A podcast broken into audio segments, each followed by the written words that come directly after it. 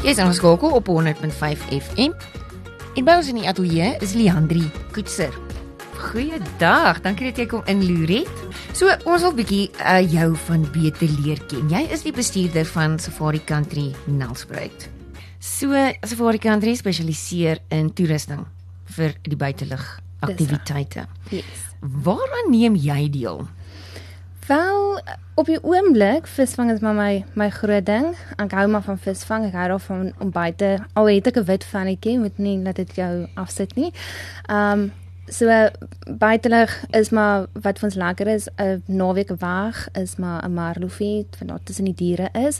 Um laas jaar het ek gou my gebyt met die jag. Um so op my verjaarsdag, dit was nogal exciting geweest. So ja, dit is maar ek ek is nie die tipiese girly girl nie. Ehm um, ek dra maar my make-up en doen maar my nails, maar dis maar eintlik maar net om om 'n vroom gesiggie te hou, maar verder is ek maar buite lig. en jy dra natuurlik baie sonskerm. Ja, ek moet maar. Ek moet anders as ek so rooi soos 'n tomaat die volgende dag en vir 'n week lank het ek seer en dan is ek maar weer wit. So sonskerm is ook maar my beste maatjie, ja. Die visvang doen jy al van kinds af. Dis reg, ja. Dis maar dis maar 'n familieliefde wat ons almal gehad het. Ek dink my pa was maar ons groot hoofsaaklike rede daarso gewees. Hy was maar altyd lief vir sy visvang. En um, ek dink ons kinders het dit maar maar aangeneem. Ek moet sê ek is die enigste een van my vier boeties wat regtig nog visvang. Die ander sal so 'n geleentheid doen, maar Ja, ek is maar die enigste een wat dit aanhou doen het. Wat se visvang is dit? Fly fishing? Nee, fly fishing het ek nog nie bemeester nie. Daai ene is nog ietsie wat ons wil doen. So ek is, ek is maar hoe sê hulle 'n damduiker. ons sit maar langs die kant en vang. Dis maar altyd die lekkerste maar met die kinders is dit maar die gerieflikste. Weet hulle is daarom nou 'n bietjie groter, maar toe hulle klein was, moet jy maar ietsie doen wat hulle ook kan geniet en dan kan hulle daarom bietjie in die water speel en so aan. En ja. is het jy hulle al gehoek aan visvang jou kinders? Hulle het al mekaar gehoek, maar uh, maar uh, nee, hulle is hulle is nog nie so exciting daaroor nie. Um hulle sal nog langs die kant sit en in die water speel. Wat is die aantrekking vir jou van visvang? Ek dink is die rustigheid daarvan en om, om die kinders uit te kry, weet as as hy nie gebyt het die eerste keer nie en hy's nou half leeg, weet om hom weer te gooi en die regte patent te kry. Dit is maar die aanhouer wen tipe van persoonlikheid wat ek het, ek kan nie op tot ek daai visie gekry het nie. So dit maak nie saak hoe groot of hoe klein nie. Solank ek dit enetjie uitreik vir die dag, is ek gelukkig. Is daar 'n triek aan wat jy al bemeester het?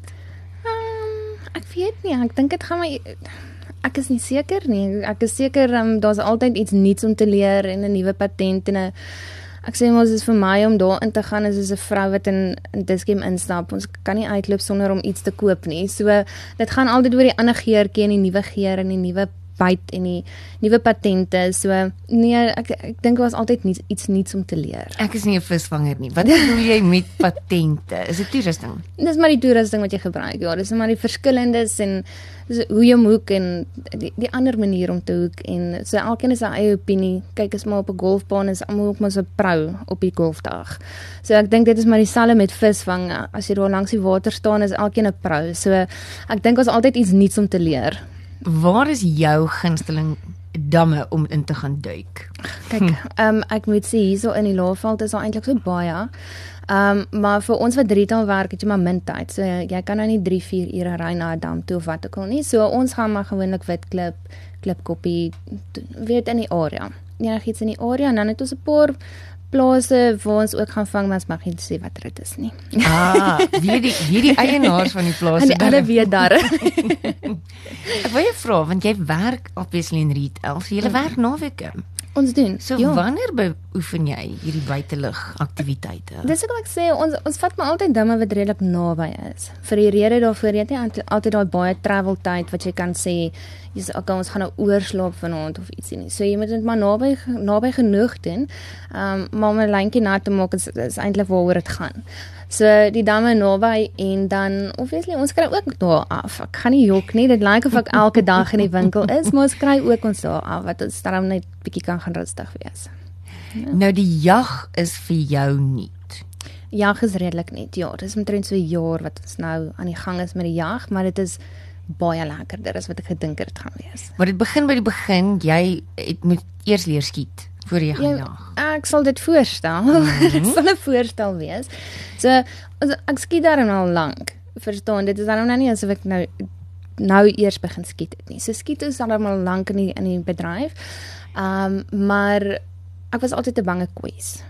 Ja. So en dit was wat vir my die die moeilikste was en toe laas jaar op my verjaarsdag toe het ek die geleentheid ek was al so bietjie daarin geboelie ek gaan nie jok nie en toe skiet ek my eerste blou bees en toe dit toe nou nie so moeilik was nie toe besef ek okay wel ek kan skiet so ek moet net bietjie meer vertroue in myself hê Dit was op 'n uh, uh, dit was jou verjaarsdag en dit was half 'n company retreat. Dis reg, ja. So ons het 'n company meeting gehad en toe sê hulle, "O, by the way, jy verjaar, so jy gaan die eerste boks skiet vir die dag." So gewoonlik as jy nou weet so praat met die mense, dan is dit soos jou eerste is 'n klein bokkie of 'n rooi bokkie of so ietsie, weet. En toe kom ons so op so trop blou wille beeste af te sê, "Oké, okay, Leandra, jy moet nou skiet."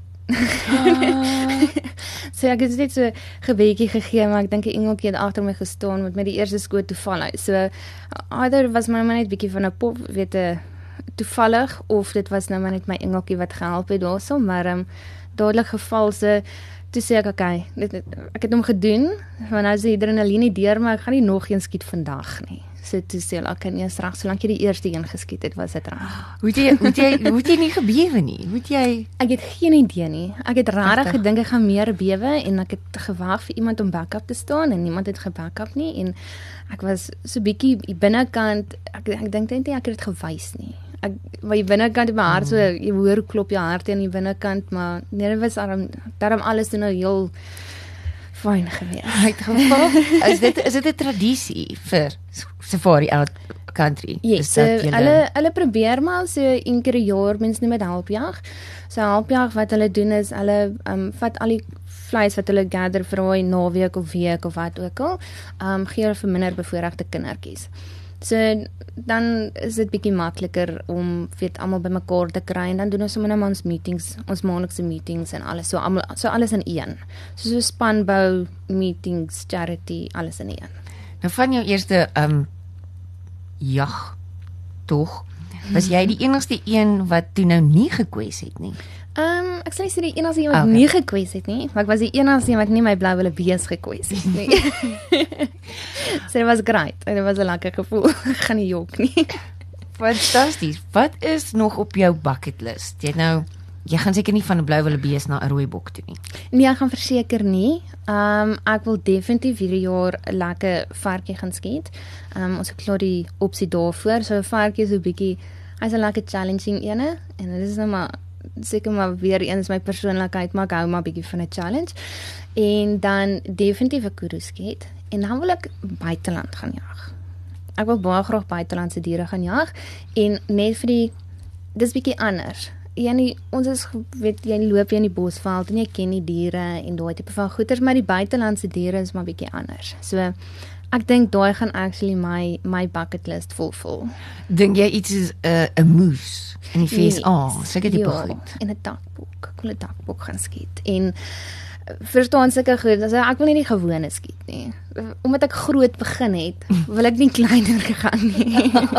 so dit moet challenging bly, maar ek ek wil nie 'n buffel gaan skiet en 'n olifant en 'n leeu en sulke goeters nie. Dis nou nie deel van my bucket list nie. Um dis oulik seker vir die mense wat daarvan hou, maar dit is nie vir my nie. Uh, Pryk die blou wille bees se kop nou teen jou muur. Ongelukkig nie. Nee, ongelukkig nie.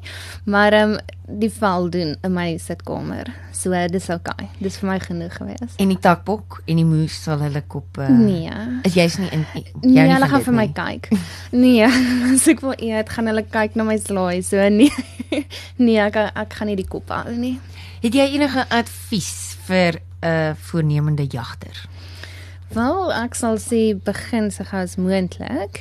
Ehm um, ons almal het daai bietjie van 'n vrees in ons, maar as jy kan skiet, is jy pretty much reg, halfpad reg. Dan is dit net om die kuns vir die kuns te leer daar agter. En rustig te wees op die bakkie en nie te skree elke keer wat jy 'n dier sien nie. Ek weet ons almal ken die wildtuin en dan sê jy, "Daar's 'n bok, daar's 'n bok." Maar ek kan nie dit daar so doen nie. Um so ja, maar net rustig wees wanneer jy agter daai stander staan. Ek dink dit is maar die belangrikste. Ken jou wapen, dis 'n belangrike ene. As jy weet waar jy skiet, is jy halfpad daar. Maak dit 'n verskil saam met wie jy jag? Verseker. Mm. Rarig, rarig te doen.